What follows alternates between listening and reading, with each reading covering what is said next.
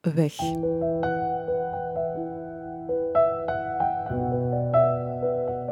Deze podcast begint omdat zoveel dingen eindigen. Omdat je onderweg zoveel kwijtraakt. Als iets of iemand wegvalt, valt er vaak nog veel meer weg. Rouwen is ook een weg die je moet afleggen, seizoenen die je moet doorlopen. Wat je verliest is weg. Daar gaat het over. Over wat was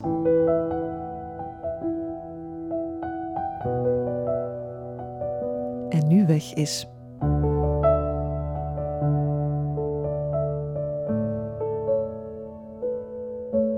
Vandaag heeft Caro de weg gevonden. Dag Caro. Hallo. Jij bent de mama van Nina, Roman en Asa. Ja. Het gaat vandaag over Asa. Jij komt haar verhaal vertellen, want Asa kan het niet meer zelf doen. Hè? Nee. Zij is een paar jaar geleden gestorven aan kanker. Ja. Als ze gestorven is, was ze acht jaar. Acht jaar. En als de diagnose gevallen is? Het was de paasvakantie van het eerste leerjaar, 1 april 2016. En ze is geboren in 2009, dus ja, zes. Ja, zes jaar. Ja. Zo'n diagnose komt als een bom binnen, denk ik. Ja, vooral omdat je dat... Wij hadden echt niks zien aankomen. Ze deed een kampje op dat moment. Het was mooi weer, zoals nu. Ehm, het was paasvakantie. Het was, het was echt exact hetzelfde weer als het vandaag is. Zo mooi weer, maar wel een beetje frisjes. En ze komt thuis van haar kampje en ze houdt zo haar hoofdje was scheef. En we denken, ja, zo. En er was een nieuwe koolruit bij ons, echt een beetje gek. En we gingen eens kijken naar de nieuwe winkel en we wandelen tot daar. En, en Aza houdt heel de tijd haar hoofd scheef. En ja, ik weet nog, op een bepaald moment was ik zelfs een beetje boos op haar. Alleen boos zo... Ja, er is precies, je voelt dat, dat er iets niet klopt. Dus ik zeg, maar Aza, als je dan je hoofd wilt scheef houden, doe eens naar de andere kant. Zo, om, om zo... En, ja, en dat ging niet, maar... En ik denk dat ze wel voelde dat, dat we wel wat ongerust waren. Maar ja, wat denk je dan? Ik was zo'n beetje ongerust, maar ze zei... Maar mama, het is niks, hè? Alles komt goed, hoor. Met mij is er niks aan de hand. Zo'n beetje het, het pipi langkous. ehm, met mij kan er niks misgaan. En die was heel, ze was wel vrolijk. Ze zag er wel heel, heel bleek uit ook. Maar verder, ze was wel oké. precies. Ze zei dat ook van, ja, alles is oké. eh, maak u geen zorgen. Maar dat deden we wel. Dus eh, dan hebben we toch eh, de dokter gebeld. En die zei, ja, je kan niet in een hoofd kijken. Hè? Dus dat lijkt mij iets waar je mee naar het ziekenhuis moet gaan. Maar, en ze verloor zo ook wel wat haar, haar evenwicht. En ik dacht toen, ah ja, maar mijn, een neef van mij had, heeft ooit een, ehm, een ontsteking van de kleine hersenen gehad. Als ehm, bijwerking van griep of zo, of van mazelen. Dus dan denk je, ah ja, dat gaat dat zijn. Er is wel iets, maar dat gaat dat zijn. Op een of andere manier steek je dingen in je hoofd. En dan zijn we naar het ziekenhuis gegaan. En ja, daar hebben ze haar onderzocht. Maar zo de ene loopt binnen, de andere loopt binnen. En het was redelijk snel duidelijk dat we niet meteen naar huis gingen gaan. En ze moest zo heel de tijd neurologische proefjes doen. Hè. Neus aantikken, eh, op een lijn lopen. Ja, er zijn er zo massa's. En dan, ja, dan, ehm, dan ben ik daar gebleven met haar. En ja, mijn man was aan het repeteren voor een nieuw theaterstuk. Dus eigenlijk was zo'n beetje het ding van... Oké, ik blijf bij Aza en we zien wel wat dat er gebeurt. En, en ehm, hij ging werken en hij bracht de kinderen naar het kamp. En Nina was bij een, bij een vriendinnetje blijven slapen. En dus Bert komt op dezelfde plek en die zegt... Ja, en Aza is in het ziekenhuis. En Nina, haha, 1 april, goeie grap. Zo, Hey, het was zo nog allemaal Luchtig. luchtig. Ja. Omdat je... Het laatste waar je aan denkt, is het ergste. Ja, tuurlijk. En wanneer is dat dan omgeslagen? Ja, en dan begon het met, het, met een... Ze gingen een MRI doen bij haar. Om te zien wat er in haar hoofdje zat. En ondertussen was ze ook wel beginnen overgeven. Heel hevig, heel, ehm, heel eng eigenlijk. Een beetje projectielbraken. Zo een beetje wat je ziet soms in, in, ehm, in tekenfilms. Maar dan echt. Maar dan echt. Dat bestaat dus. Ehm, ik ken het bij baby's, maar bij grotere kinderen heb ik het nog uh, nooit gezien. Ja, en blijven braken. Hè. Maar blijkbaar, dat, dat, hebben ze dan achteraf uitgelegd, is dat, iets, is dat een centrum in je hersenen. En als dat daarop drukt, dan blijf je gewoon overgeven. Dat heeft niks met ziek zijn te maken, niks met... Enfin. Dan hebben ze haar onder de scanner uh, gelegd. En dan zat ik in het ziekenhuis, ergens waar dat die MRI was, in de wachtkamer. En ze hadden mij gewaarschuwd, mevrouw, dat kan wel even duren, uh, een half uur, reken daar maar op. Ja, en dan een half uur, dat werd drie kwartier. En drie kwartier, denk bijna een uur. En toen, ik was echt doodongerust van, wat is dit? Ja, wat ik mij goed herinner, dan kwamen ze mij halen en het enige dat ze toen zeiden is, ja, we hebben wel iets gezien. En misschien, ik denk dat het woord massa misschien gevallen is toen al, maar dat weet ik niet zeker. En ik weet dat we door de gang teruggingen naar de kamer waar ze verbleef. En Asa lag toen te slapen, denk ik. En de verpleging die het bed duwde, die vroeg aan mij... En, en waar is uw man eigenlijk? En ik zeg, ja, die is aan het werk. Uh, ja, kan je niet maken dat hij hier is? En ik zo, uh, ja. Ja, allee, dus oké. Dat is een alarmbelletje toch? Dat, ja, dat is, dat is een, dat, je staat op, echt op alarm op dat moment. En, dus, en dan, op een bepaald moment, um, komt het, het hoofd van pediatrie, algemeen hoofd, dus die geen specialiteit heeft, die komt even zijn hoofd binnensteken en die zegt eh, de, de profetische woorden: Ja, wat, dat, wat dat jij nu meemaakt, ja, dat is iets waarvan de meeste mensen altijd denken dat dat bij iemand anders gebeurt. Dat was het eerste wat ze tegen jullie ja, zei. Ja, die, die zei zoiets van... Ja, die zei... Hè, ze gaan nu komen uitleggen wat er aan de hand is, denk ik. Je, je mag ervan uitgaan dat het serieus is, want... Ehm, ja, ook haar ogen waren ondertussen ook weg. Ja, dat is heel raar. Ze keek scheel ineens. Dat ging eigenlijk wel heel snel, ja, toch? Ja, het ging supersnel. En, um, en hij zei, ja zo dat scheel kijken, hij wist eigenlijk helemaal niks van, van, de, van de diagnose of wat ze ook gezien hadden bij de MRI of wat dan ook. Hij zei gewoon, als die ogen zo scheel kijken, ik heb dat alleen nog maar gezien dat dat niet serieus is als het um, door trauma komt. Maar aangezien zij niet getraumatiseerd is, lijkt mij, denk ik dat het serieus is. En dan ondertussen kwam mijn man toe en dan, um, ze namen ons mee naar een lege kamer. En de neurochirurge um, kwam en die had ook uh, een neuroloog bij zich.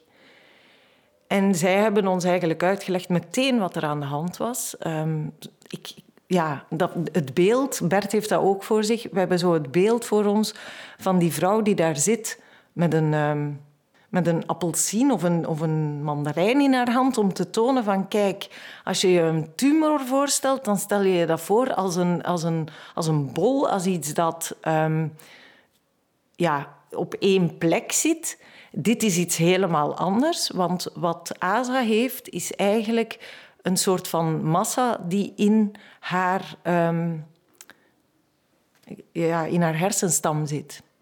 En dat is diffuus. Dus dat betekent dat dat zich vertakt. En normaal, als je iets hebt dat een bol is, of, dan kan je dat opereren. Dan neem je dat weg. Dat is de beste optie die je hebt. De plek waar het nu zit, die optie heb je niet. Want je kan daar niet opereren. Want als je daar in de hersenstam zitten ook diffuus al je levensfuncties. Dus het moment dat wij daarin gaan, maken wij, ja, doden wij haar eigenlijk. Allee, het is, er, er, valt eigenlijk heel weinig aan te doen. Dus het ene moment stuur je een kind, een vrolijk kind, naar het kamp. Ja. Een paar ogenblikken later, bijna, ja. krijg je een diagnose waarvan je onmiddellijk weet... Dit is niet goed en dit komt ook niet meer Nee, goed. ze hebben dat ook meteen gezegd van... Um, wat we ook kunnen doen, de plek hoe erg het ook is, ze zei, we weten eigenlijk op dit moment ook niks over graden. Of, hè, want dat is dan ook een heel sterke uh, aanwijzing. Maar ze zei, eigenlijk doet het er niet toe. Want zelfs in de laagste graad is dit zeer slecht nieuws, gewoon omwille van de plek waar het zit. Is er dan toch nog een behandeling opgestart? Ja, ze had ook meteen gezegd, ze zei, ja... Um, het was een, uh, een, een, puttige dame, weet ik. En ze zei, ja... Um, tot voor kort, of zelfs heel vaak nu nog, ehm, werd er geen biopsie genomen. Om te kijken hoe, allez, hoe het, het weefsel is of wat dan ook, omdat dat zo risicovol is. Maar ze zei, ik, ik durf dat wel en ik kan dat wel. Ze was daar ook echt heel overtuigd over, ik kan dat. Ik ga dat doen. Vinden jullie dat oké? En wij hebben gezegd, uh, ja, ja, want wat, wat kan je, zeggen? Ja, ja. En dan hebben ze gewoon dan was dat eigenlijk redelijk snel. Wij zijn bij ASA gebleven. Ze hebben daar um, meteen, ja, dat is dan een, ook een deel in het verhaal, hebben daar meteen cortisone gegeven. Wat zorgt dat de druk in de hersenen verlaagt. En als de druk verlaagt, dan krijg je ook dat, dat overgeven beter, dat scheelkijken beter. Dat, want dat zijn eigenlijk allemaal plekken die, waarop geduwd wordt, waardoor dat die uitvalverschijnselen um, zich voordoen. Maar dus- jullie hadden net dat nieuws gekregen en dan ga je terug de kamer binnen waar Asa is. hebben jullie dan ook aan haar verteld wat er aan de hand is? Nee, um, op dat moment nog niet. Nee. nee, zover waren we niet. We hebben eerst gezegd van... Wel verteld, denk ik, dat ze een operatie moest hebben. En, en ja, dat, ik denk dat dat het was. Ik, ze sliep ook toen, denk ik. Want ja, ze was ook uitgeput van, van, van dat overgeven. En ze hadden haar ook gecedeerd, denk ik, voor, voor de MRI toen. En dan, um, ja, dan zijn we daar gebleven. En dan, um, s'nachts, ik denk dat dat die eerste nacht was. Ja, ze, was dan, ze hing aan, aan alle apparatuur en alles wat dat erbij hoort. En op een bepaald moment um, ja, doet haar hart het heel slecht. Of heel snel begint dat te slaan. Wij keken naar elkaar en, en ik zei, dat is niet goed, hè? En Bert zei, maar zo snel, zo snel zijn, we, zijn we haar niet kwijt, hoor. Echt niet. Dus ja, de, de onrust was er wel. En dan zijn we naar intensieve zorgen gegaan. Wat dan niet... Dat was, dat was niet fijn. Dat was echt niet fijn, want plots het verschil is, als je op een gewone afdeling ligt, dan is er heel veel zorg, maar ook heel veel menselijkheid. Op intensieve zorgen is de enige bezorgdheid mensen in leven houden. Met als gevolg ja, dat je met een zesjarige zit, waar dat er ombeurt is iemand bij mag. S'nachts mag je er niet bij blijven. We hebben toen wel uiteindelijk gedaan gekregen dat wij toch zijn mogen blijven zitten. Maar dat is alleen al dat. Je weet gewoon niet wat, wat er je overkomt. En, en ja, je kind ligt daar. Hè, en, en ja, ik weet ik, ook andere dingen die je dan vreselijk vindt. Hè, een babytje dat huilt. En dan je denkt van, oh, moet je gewoon eens, gewoon eens oppakken. Hè, maar niemand mag dat kindje oppakken. Want dat is gevaarlijk. Maar ja, ik vond dat heel... Oh, dat was heel hard. Je zit toch ook onmiddellijk in een soort adrenaline ja, ja, ja maar het overkomt je. Het, dat is het enige voordeel. Je hebt daar niet over nagedacht. Waardoor je alles doet vanuit het zo goed mogelijk houden voor Haza. Hè. Voor al de rest kan je eigenlijk gestolen worden. En dan, wat ik ook mij nog heel, wat mij heel goed bijgebleven is, is dat s morgens vroeg, maar echt op een ontiegelijk uur, wij in de wachtzaal bij intensieve zorgen um, geroepen zijn geweest door het hoofd van oncologie van de kinderen, van het kinderziekenhuis. En zij was een beetje verontwaardigd, om, niet naar ons toe, maar van... Ik was niet op de hoogte. Dit is niet oké hoe dat jullie hier terecht zijn gekomen. Jullie zijn eigenlijk niet door onze mensen, waar, mensen die eigenlijk weten hoe dit in elkaar zit, Jullie zijn daardoor niet gebriefd geweest. Jullie zijn, ik vind, jullie zijn een beetje in het warm water gegooid of zo. Ja, ik weet niet hoe ik het moet zeggen. En, en ja, jullie zijn eigenlijk niet opgevangen geweest. En deed dat dan deugd om dat Dat deed heel veel deugd. Maar dat, dat bracht ook meteen heel veel emotie. Ook meteen de vragen van... Hè, want dat zei ze ook. Ze zei, ja, heb je, heb je vragen? Wil je nu vragen stellen? Ja, en dan heb je zo van die vragen als... Hadden we ze niet mogen maken? Ja, ik, ik, ik wou zo graag drie kinderen, zo graag. En, en plots denk je, ja, hoe, hoe eerlijk is dat? Wij hadden twee, twee perfect gezonde kinderen. Ik weet dat ik toen op dat moment dat hij eigenlijk mij al afvroeg van... In hoeverre doe je dan nog... Ja, ik weet niet, een gezin vormen met twee heb je al een beetje een gezin, toch? Waarom kan je niet tevreden zijn? En dan, en dan denk je, ja, en dan heb ik die gemaakt. En, en kijk, dat is wat ik haar nu... Dat is wat ik haar geef. Dat, dat, dat is het leven dat ik haar nu gegeven heb. En die oncologen, dat is iets wat mij altijd bijgebleven is. En waar ik wel heel dankbaar voor ben geweest, altijd. Zij zei, ja, ik begrijp je, je, je bezorgdheid of je, het feit dat je daar zo ongelukkig over bent. Maar hoeveel kinderen zijn zo, kunnen zo lang leven en zo graag gezien worden? Want dat is overduidelijk. Ja, en dat is iets waar ik me dan altijd aan vastgehouden heb. Hoe, hoe, idioot het ook is. Of hoe... Ja, we hebben haar echt doodgraag gezien, nog altijd. En voor altijd. En voor altijd, ja. Want als we een hele grote sprong maken, ze heeft wel nog een jaar, een jaar en een half. Ja, ja want het bizarre is, dus we zitten nu nog in het ziekenhuis, maar dan zijn we verhuisd geweest naar, naar de afdeling oncologie, naar de appeltuin. Dat is ook iets dat ik nooit van mijn leven ga vergeten. Wij komen daar binnen. Je komt van een, van een heel kille afdeling. En het eerste wat er gebeurt is, is een verpleger die op ons afstapt en zegt: Hallo, ik ben Willem. Iemand die zich voorstelt.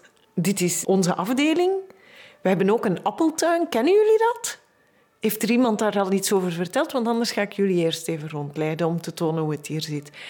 En dat heeft het een heel verschil gemaakt in ons aanvoelen naar het ziekenhuis, naar, naar, naar daar moeten gaan. Vooral ook de grote kinderen mochten daar ook in die appeltuin eigenlijk wat dat is. Ik weet dat ze hier in Gent iets gelijkaardigs hebben. Je hebt een, eh, een plek met een, ehm, een eettafel, met een, ehm, een keuken met een zithoek, met games, met tv. Ja, dat is, dat is echt een fantastische plek. En dan is, uh, dan is Asa moest dan geopereerd worden de dinsdag. Ja, dat was super spannend. We hebben een hele dag nagelbijten gedaan. Maar dan, en ja, ze hadden ons ook gewaarschuwd. Ja, we gaan nu opereren. schrik niet als de helft van haar gezicht straks verlamd is. Maar ook dat, dat kan zich wel nog herstellen. Ook. Dus wij hadden ons eigenlijk, hè, als ze leeft, als ze, als ze er goed uitkomt en ja, ze heeft wat verschijnselen van uitval, ja, dat zal zich misschien wel herstellen en we zien wel. Dus het moment dat wij mochten gaan nadien en Asa, die, die, die, was, die was gewoon Asa. Ineens was die terug gewoon. gewoon maar echt gewoon, hè? Niet niet scheel, niet niks. Terug grapjes maken, terug... Niet ziek. Leek niet ziek, ja. En dan, in, dan moesten we... Natuurlijk, ja, dat is een zware operatie, dus dan moesten we nog heel even blijven. Maar ik, letterlijk heel even. Hè, dinsdag en donderdagochtend mochten we al naar huis. Dus omdat ze zich ook ontzettend goed, omdat ze ontzettend goed herstelde. En in die tussentijd hebben we daar ook kennis gemaakt met de, met de psychologen van het ziekenhuis. En ook dat, heeft een, dat is het hele verschil geweest voor ons. Wat dat zij doen, en dat vind ik zo sterk, zij komen naar je kamer. Ze hebben um, ja, Nina en Roman, als die van hun kamp kwamen, want die gingen dan toch nog naar dat kamp, dan kwamen zij ook um, eens dag zeggen tegen hen en babbelen. Maar dat, dat was niet een zwaar gesprek van u. Dat was echt gewoon contact maken, verbinding leggen. Omdat dat het, hetgene is dat je nodig hebt als het moeilijk wordt. En daar ben ik ook heel dankbaar voor, want hadden ze mij gevraagd, wil je eens babbelen met een psycholoog? Ik had gezegd, nee, wat, wat, wat moet ik daaraan gaan vertellen? Ik heb daar gewoon niks aan te vertellen. Maar het enige wat hij kwam doen, was babbelen met de kinderen zorgen dat die, die, die hebben zoveel gelachen. Dat, dat lijkt raar, maar dat, dat is echt wat daar gebeurde. Ze hebben ervoor gezorgd dat de vriendjes toch, voordat ze geopereerd is, zijn de vriendjes nog op bezoek mogen komen. Een beetje vanuit de bedenking, als ze er niet zo goed uitkomt, dan hebben ze haar nog eens gezien. En dan de donderdag was ze uit het ziekenhuis. En denk de vrijdag of zo kwam, kwam haar vriendinnetje dan terug van vakantie. En dan zijn we daar aan de deur gaan bellen. En dan is zij met, met Rosie gaan spelen in het park. En Oscar was daar dan ook. En, en, en dan heb ik het verteld aan de mama van Rosie. Van, ik heb eigenlijk heel slecht nieuws. Maar dan kwam maandag en dan is Asa gewoon naar school gegaan. We hebben wel de, de juf op de hoogte gebracht. Die ook heel erg geschrokken was. Die meteen begon over... En ik wil bed naartoe en ik wil... Zo... Ja, maar dat was allemaal niet nodig. Asa wou naar school ja, wij zijn dat wel gaan uitleggen aan de kinderen. We hebben het woord kanker toen niet gebruikt, want dat mocht nog niet in de eerste instantie. We hebben heel hard ontdekt hoe groot het taboe nog is. Uh, ouders zijn heel bang, vooral voor hun kinderen. Kinderen kunnen dat niet aan. We hebben ondertussen gemerkt, wij zijn daar 100% zeker van, kinderen kunnen dat beter aan dan in wie dan ook. In mijn ervaring net hetzelfde. Kinderen gaan daar zoveel beter mee om. Ja, absoluut. Die, die vinden dat... Ah, Asa is ziek. Ja, en dan krijg je van die rare conversaties als ja, maar wat heeft ze dan? En dan eentje die toch zegt van, ah, is het geen kanker? En dan moeten wij zeggen, ja, we zullen het er nog wel eens over hebben. En dan de mama van dat kindje dat dat gezegd had, die dan een verontschuldigende mail stuurt van sorry dat dat woord gevallen is. Terwijl wij zoiets hadden van, ja, het is wat het is, hè. Wat, wat, ga je doen? Enfin, en dan is er een periode gevolgd. We hadden ons ook gezegd, en nu hebben jullie de keuze gaan jullie iets doen of gaan jullie niks meer doen? Want ehm, eigenlijk weten we dat we niet heel veel kunnen doen. Vanwege die vertakkingen. En... Ja, maar we kunnen wel radiotherapie geven en daarvan weten we dat de meeste kinderen, maar er is geen garantie, dat dat um, ja, tijdsparend of, of zo kan werken, dat je, dat je extra tijd krijgt. En sommige kinderen, of een, een heel deel kinderen, hebben dan door de bestraling nog een, wat ze noemen, een honeymoon-periode. Waar dat eigenlijk alles nagenoeg normaal lijkt te gaan. Of jullie kunnen natuurlijk ook, dat is ons ook altijd gezegd geweest, jullie hebben de vrije keuze. Als jullie zeggen, dat zien wij helemaal niet zitten. Er zijn ook mensen die zeggen, wij pakken ons boeltje, wij gaan naar het buitenland en wij gaan gewoon familietjes spelen zolang het nog kan. En dan hebben we misschien... Ze willen nooit een, een tijd zeggen, maar dat, dat ging over maanden. Hè. Dat was duidelijk. Nou, jij zegt jullie, maar ik neem aan dat Asa zelf toch ook iets mocht zeggen daarin? Mm. Goh. Hebben we haar daarin een keuze gegeven? Dat denk ik niet. We hebben wel uitgelegd wat dat er aan de hand was. En dat het heel erg was. We hebben nooit gezegd, je gaat doodgaan. Maar we hebben ook nooit gelogen. En op een bepaald moment, maar dat is veel later gekomen, wist ze het wel. Ik denk dat ze het eigenlijk altijd geweten heeft, maar ze, ze wist het heel duidelijk. Want ze zei op een bepaald moment tegen mij van... Uh, mama, ze lag toen in bed, ik weet nog... Ja, dat was zo'n periode, dan ging ze naar de straling en eigenlijk was ze daar kapot van. Dat is, dat is heel vermoeiend. Um, maar ze, ze wou per se naar school. Dus wat dat er eigenlijk gebeurde was, s ochtends voor school ging ze naar de straling. Om acht uur was dat meestal, waardoor ze meestal net iets te laat op school was. En ze ging altijd samen met Bert. Soms was ik erbij, niet vaak. En dan bedachten ze een, een smoes waarom ze te laat was op school. En dan waren dat de meest onzinnige dingen. Daar hebben ze zich ongelooflijk mee geamuseerd. Ook de kinderen in de klas. Wat gaat het nu weer zijn? Dus dat, dat, dat hield zo wel een beetje de, de luchtigheid erin. En de juf heeft, heeft, heeft wonderen verricht. Die heeft gezegd van, um, die heeft voor een stoel gezorgd, een kampeerstoel, voor als ze in slaap viel in de klas. Dat ze toch kon deelnemen. Smiddags bleef ze meestal binnen. Ze, ja, buiten gaan spelen, dat was er gewoon te veel aan. En dan mocht altijd iemand kiezen die erbij was. Dat was dan ook een heel systeem waar ze over moest nadenken van wie mag er dit keer? En hoe maak ik dat ik iemand anders niet op het hart trap? En, uh, het was, dat, was, uh, dat waren de grote bezorgdheden. De bezorgdheden van een zesjarige, hè, die, die heel uh, emotioneel intelligent is. Dus daaraan zie je dat ze, ze hè, dat aanvoelen. Wanneer is het gewone leven tussen aanhalingstekens dan echt stilgevallen? Zij kreeg dus cortisone. En cortisone, dat hebben wij geleerd, dat is vuiligheid. In die zin, dat verandert een beetje het karakter van je kind en hoe het zich voelt. Maar ze had die cortisone nodig, omdat na een operatie is dat nodig om de zwelling tegen te houden. Maar dus tegen het einde van de zomer konden we dat afbouwen. En plots hadden wij Asa terug. En wisten we terug, ah ja, ah ja, zo is ze.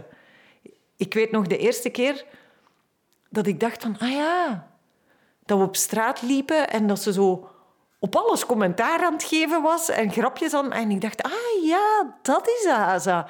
En dan besef je pas van, oei, we waren ze al eens kwijt eigenlijk.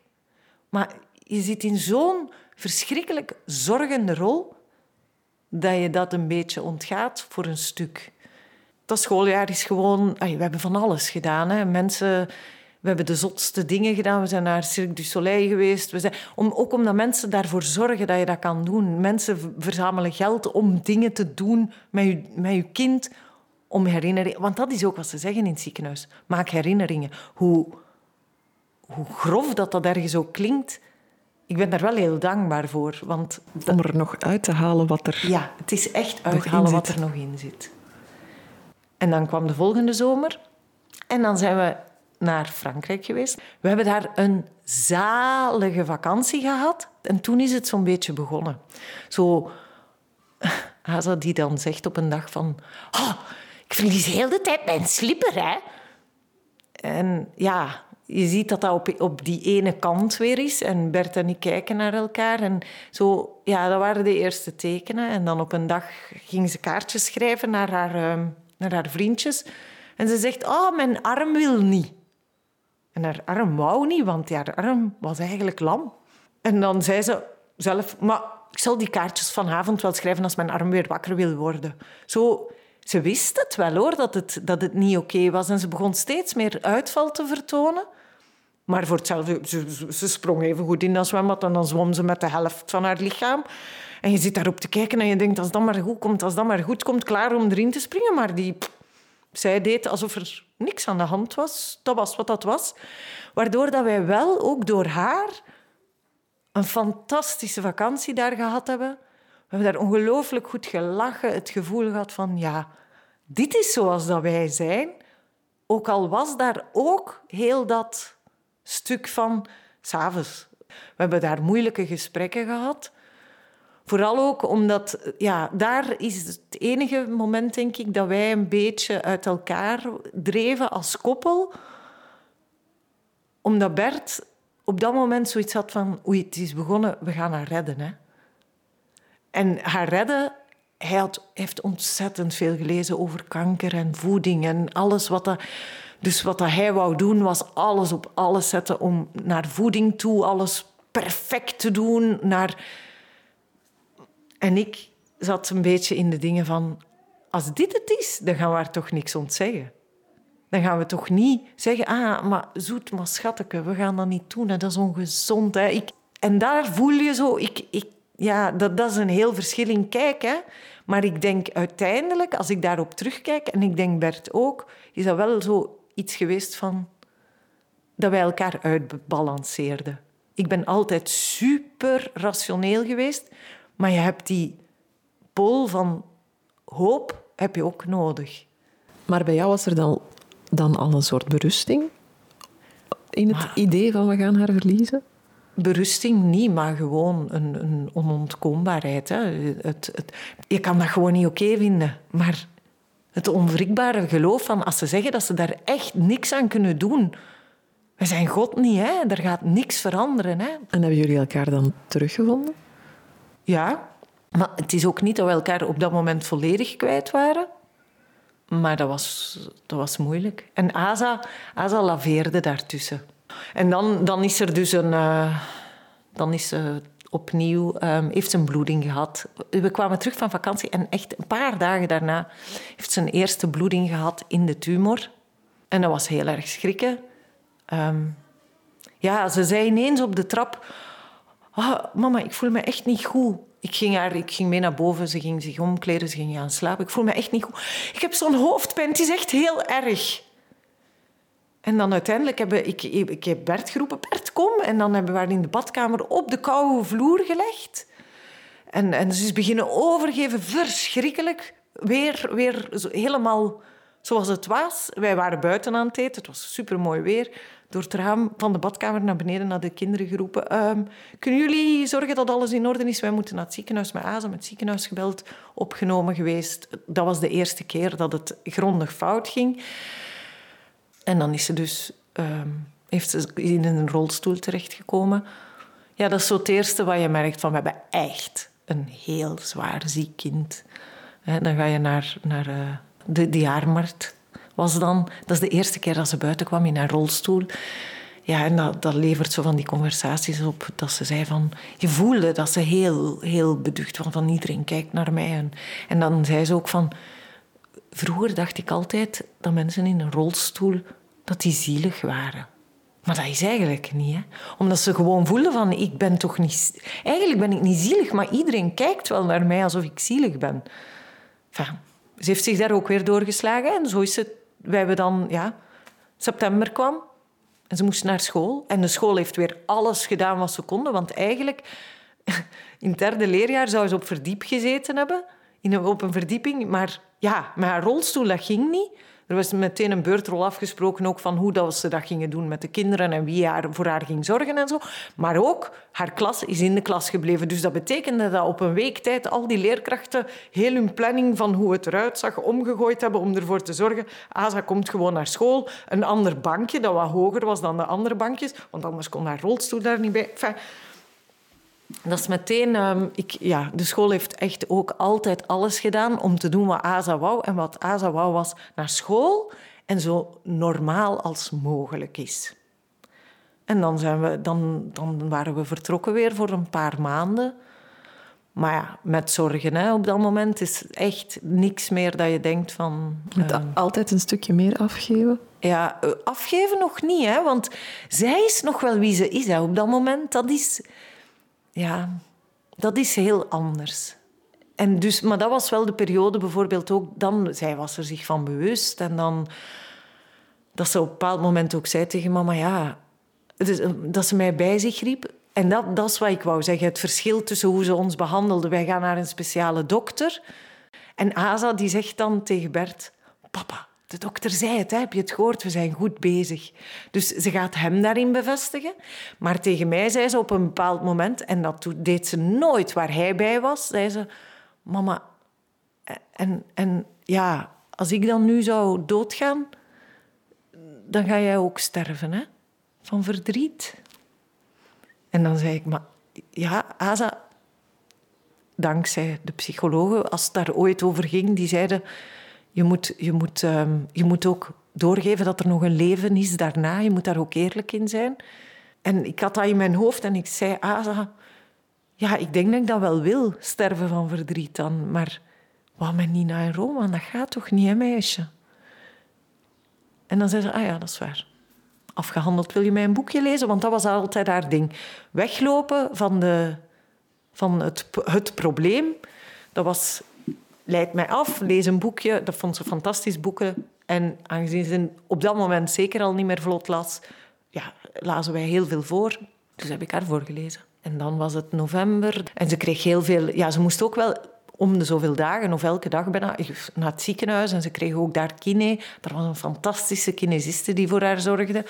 Ja, we hebben heel veel geknuffeld heel die periode eigenlijk. Want ja, elke ochtend bijvoorbeeld. Ze sliep ondertussen bij ons. Ja, dat kon ook. Ja, het was ook niet meer te vertrouwen.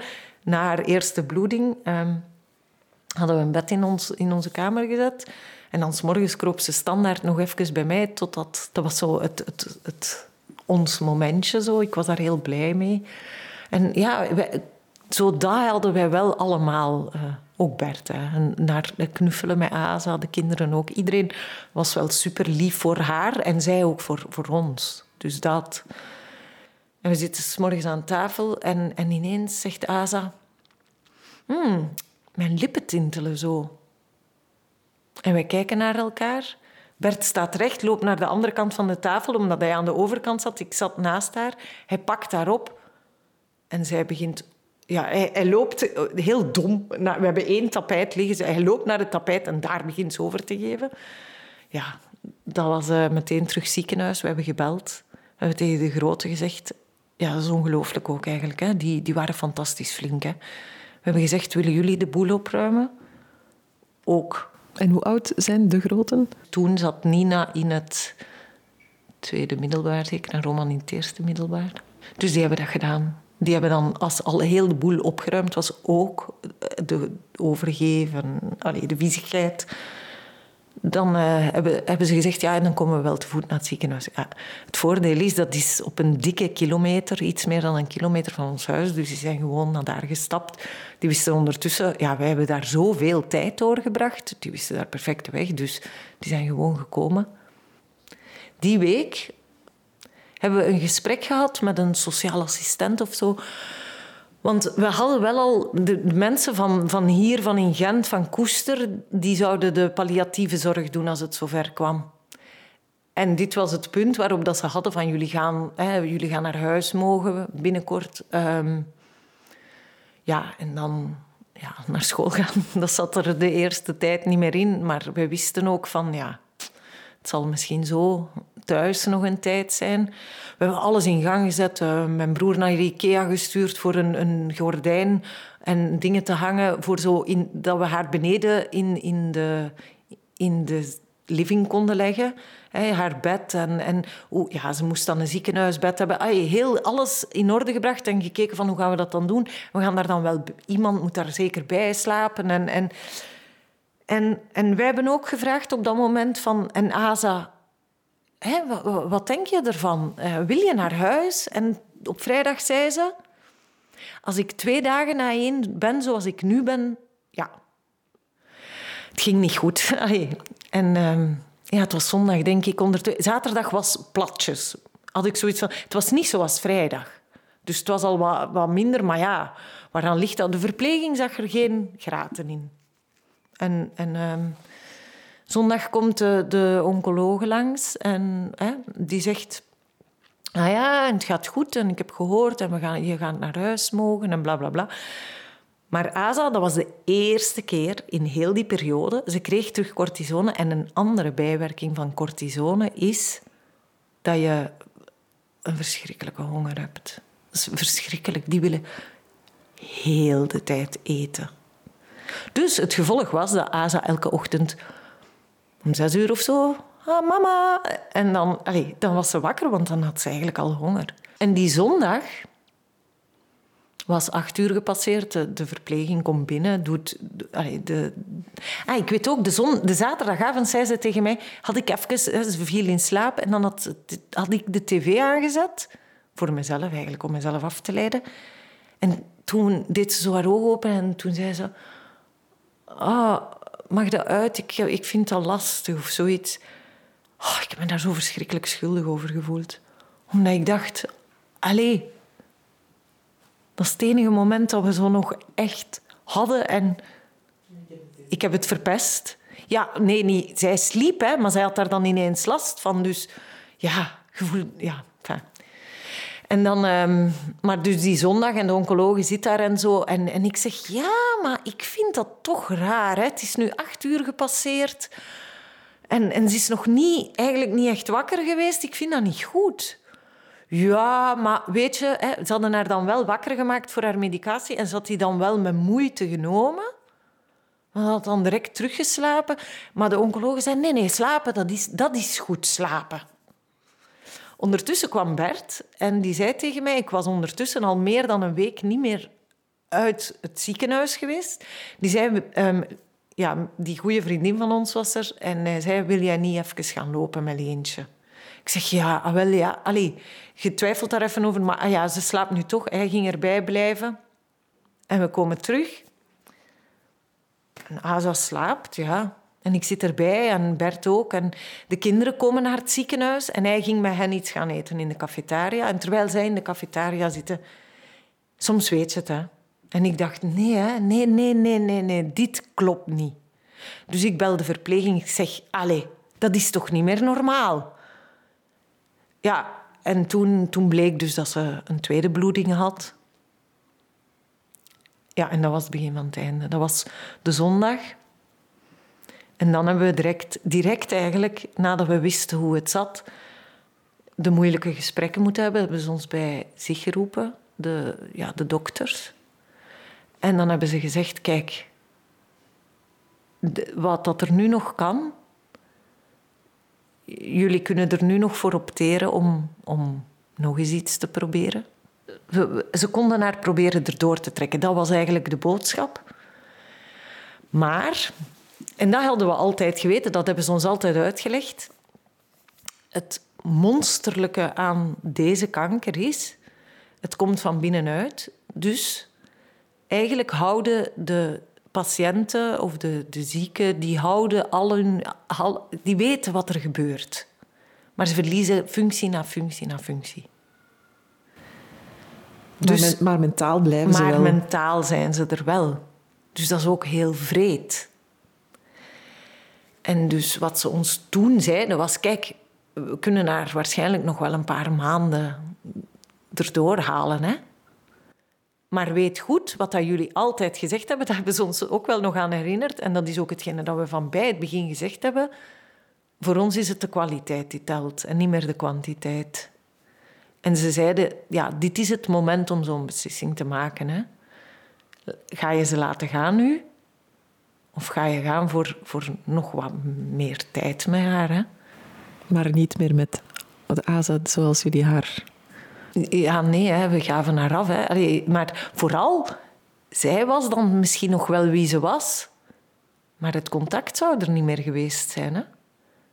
En dat, is, allee, dat was hetgene dat ik niet wou. Allee, de, hoe beangstigend moet dat zijn? Dat je in je eigen weer... Allee, dat is een beetje lockdown. Hè? Weten waar je bent, weten wie je bent. Maar, en het verschil met een lockdown-syndroom is... Daar heb je zelfs nog kans dat je eruit geraakt. Hier niet, hè? Dus dat is het dan. Dan sluit het geleidelijk af en niemand kan haar nog bereiken. Of we weten niet eens of we haar nog bereiken. Dus ja, dan hebben, wij, dan hebben we beslist. Eh, voor ons was dat redelijk evident. Ik weet dat ik toen zei, en dat is ook zo van... Ja, dat is eigenlijk geen keuze. Hè. We moeten dat gewoon laten gebeuren. Maar we gaan daar wel spijt van hebben.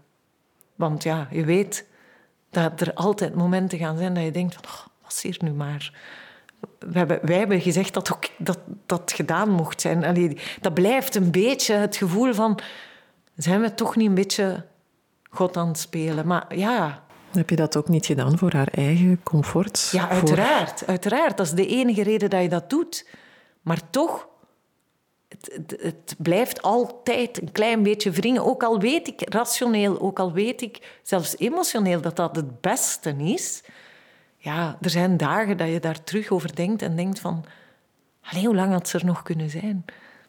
Dan hebben we eigenlijk de boodschap gehad van... Oké, als jullie dan nu beslissen...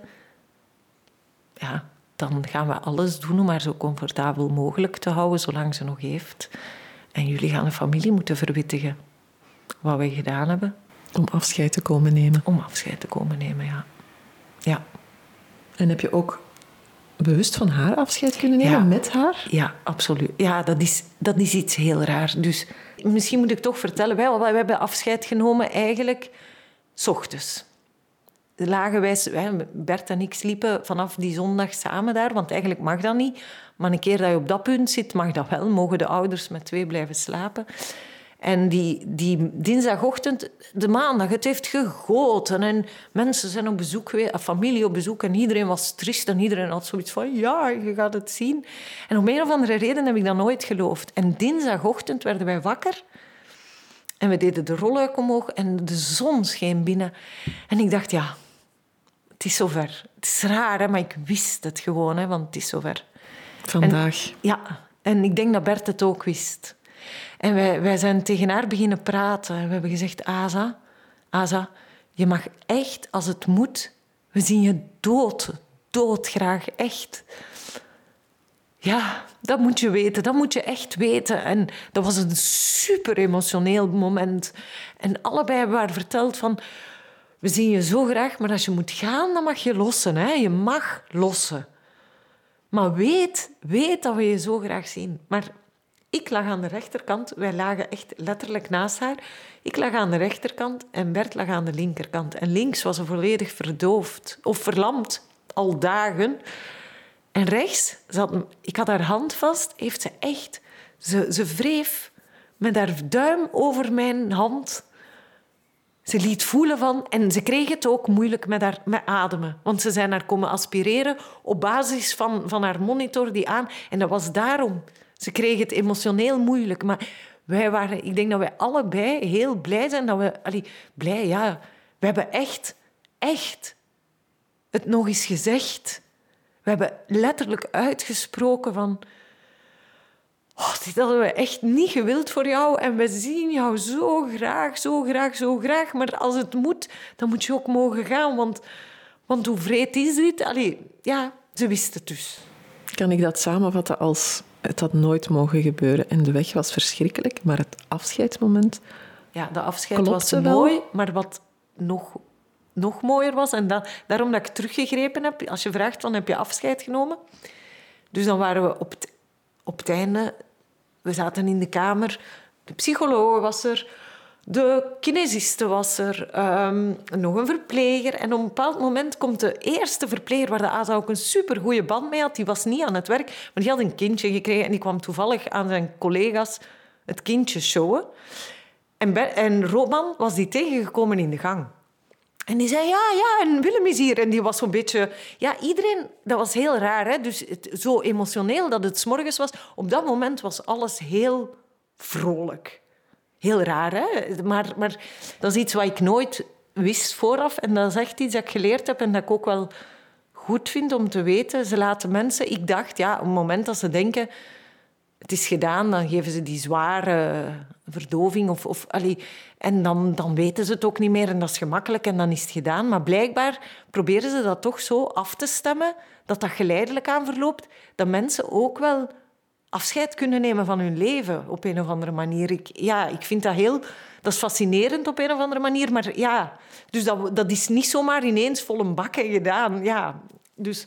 Maar dus ze hing aan de dormicum en, en Roman heeft dan... Wij, ja, hij zei van, ah, ik ga naar Willem gaan. En ik zeg, Romanneke, dat lijkt me nu geen goed idee. Maar weet je wat je wel kan doen? Je mag wel vragen aan Willem dat hij eens dag komt zeggen met de baby ook. Dan, dan zien we de baby ook eens. Ah ja, oké, hij ging dat doen. Dus die was daar dan met zijn baby. Wij allemaal, oh, de baby. En Nina, oh, babysitten. En, en ze vond het allemaal fantastisch. Allee, ja, dat, dat, blijft, blijft dat iedereen ook met Asa bezig was, hoor. Ik had haar hand vast. Um, maar er, er hing zo een luchtigheid die er niet was. Heel de dag al niet. Zo dat, dat, was zo precies nodig. En ik weet dat ik op een bepaald moment zei, omdat Roman zo aan het lachen en onnozel aan toe was... Ik zeg, Roman, straks geef ik u een beetje dormicum. Hè? Zo, zo een beetje... Ja, maar dat is de humor die we altijd hadden. Hè? Zo, dat, dat is oké. hè? dat de...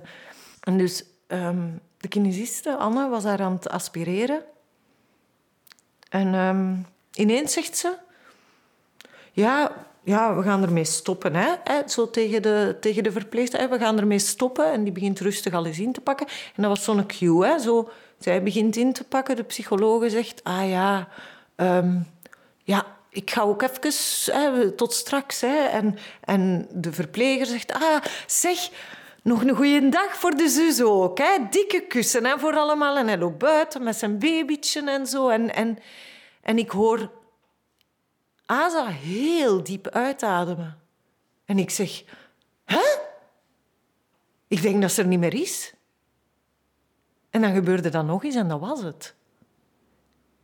En ja, ja we, we hebben toen allemaal verschrikkelijk gehuild, maar ik heb wel van dat moment heel hard het gevoel dat Asa het moment gekozen heeft. Dat zij beslist, ah, beslist in hoeverre dat, dat kan, maar dat er zo het punt was van dat ze voelde het is niet alleen kommer en kwel en ze gaan, ze gaan verder kunnen. Dat dat het punt was dat ze kon lossen. Ik denk, s morgens, we hebben afscheid genomen, dat is heel mooi, maar dat was heel moeilijk. Dat was heel... Oh, dat deed pijn, zo'n pijn. En op dat moment toen was er lucht en heeft ze gelost. En zon en licht. Ja. Jij dat het een mooie dag was? Ja. Ja, dat klopte helemaal. Dat, dat, was, dat was helemaal... Ja, raar om te zeggen, hè. Dat ze gestorven is, dat is niet juist. Hè. Dat is, je kunt dat met niks goed praten. Hè. Dat, is, dat is het allerergste en dat blijft het allerergste. En we moeten daar nog elke dag mee verder. Maar de manier waarop was wel oké. En de angst die mensen daarvan hebben... Ja, ik, ik, ook dat, ik, dat koester ik ook. Ook daar denk ik... Oh, dank u, Asa, dat dat zo mogen gebeuren is. En het gekke is, want dan, dan plots komt de wereld terug binnen. En denk je, oei, ze is gestorven en hoe laat is het? En moeten wij dat niet gaan zeggen? En ik trek die deur open om te gaan zeggen. En iedereen stond te huilen in de gang, die wisten dat. Die, die, ook zij wisten dat. Asa was er niet meer, zij wisten dat. Ze hebben ons gerust gelaten. Zij dachten, nu is het aan hen. Ze zijn buiten gegaan. Ze zijn buiten gegaan omdat het gedaan was. En zij hebben dat ook. Wij zijn daar niet in thuis. Hè. Want ondertussen is het vijf jaar geleden dat ze, dat ze de diagnose kreeg ja, op 1 april. En voor andere mensen merken wij, beginnen wij te merken van het is lang geleden. Maar is voor jullie lang- niet. dat is elke dag, hè. Nog elke dag, hè.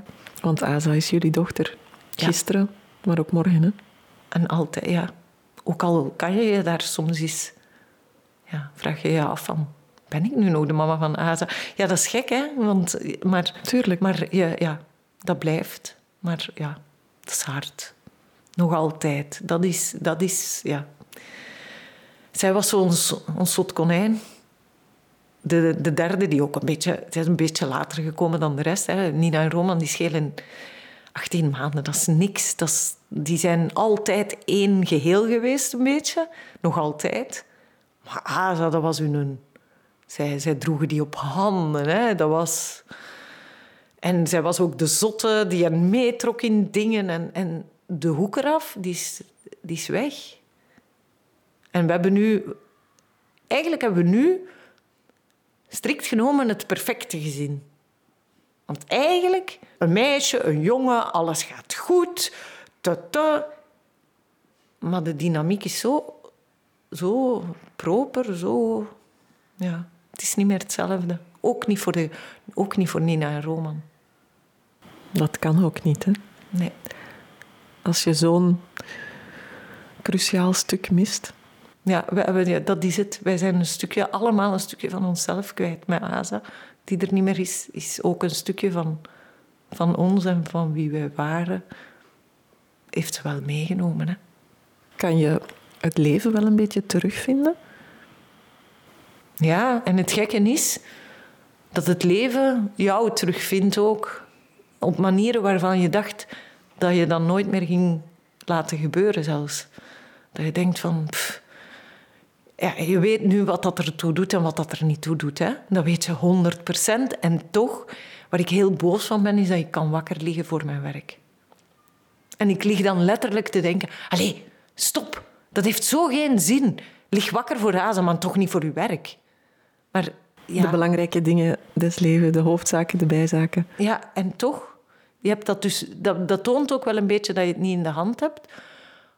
Wat, wel, wat je wel leert, is dat je de dingen die belangrijk zijn nog meer weet te appreciëren. En soms denk ik zelfs, dat is misschien raar, of nu met heel die periode van corona, Nina en Roman ondertussen, Roman zit in het vierde middelbaar, Nina in het vijfde middelbaar, die missen een stuk van hun jeugd. En toch doen ze het mentaal. Ik ga hout vasthouden, want ik vind dat een beetje een zware uitspraak, maar ze doen het mentaal tegenover wat ik hoor langs alle kanten, doen ze het supergoed. En je, je vraagt je wel dingen af als in hoeverre heeft dat ertoe bijgedragen dat ze wel weten wat dat er telt ook. Of, of dat ze dingen ook kunnen relativeren. Of dat ze, ja... Je kan dat niet weten, hè. We kunnen Asa niet terugbrengen om eens te zien van... En hoe zouden ze gereageerd hebben in deze periode als Asa er gewoon wel geweest was. Maar haar dood heeft jullie allemaal gevormd Ja. in een nieuw, in een nieuw verhaal. ja. En ik denk, wat dat heel duidelijk is... Iedereen van ons weet, dat wordt zelfs uitgesproken hoe graag dat we elkaar zien. Dat, dat is een beetje clever, dat is een beetje raar. Maar dat is toch al belangrijk gebleken. En de enige die er eigenlijk helemaal niet goed over kan praten is Roman.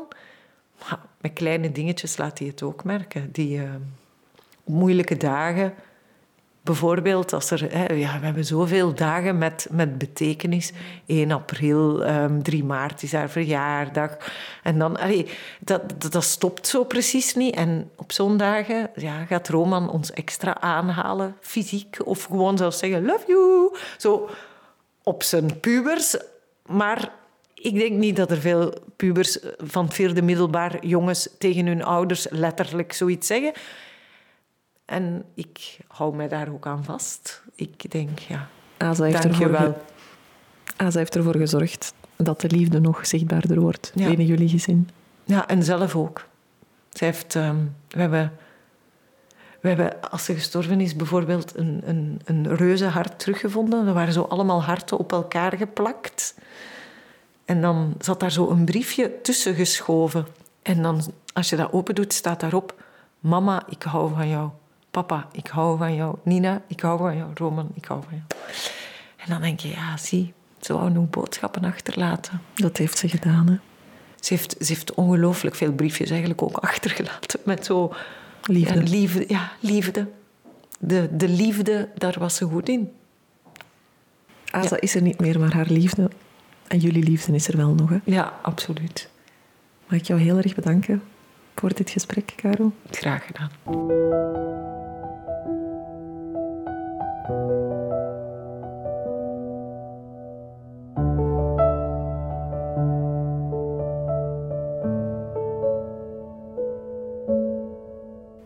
Deze podcast wordt gemaakt door Sophie Verschuren. De muziek is van Udo Mechels en zijn pianoproject Umea Beudo. Je vindt meer informatie op podcastweg.be. Daar kan je ook, als je dat zou willen, een vrije bijdrage geven om het voortbestaan van deze podcast te verzekeren. Dank je wel om te luisteren.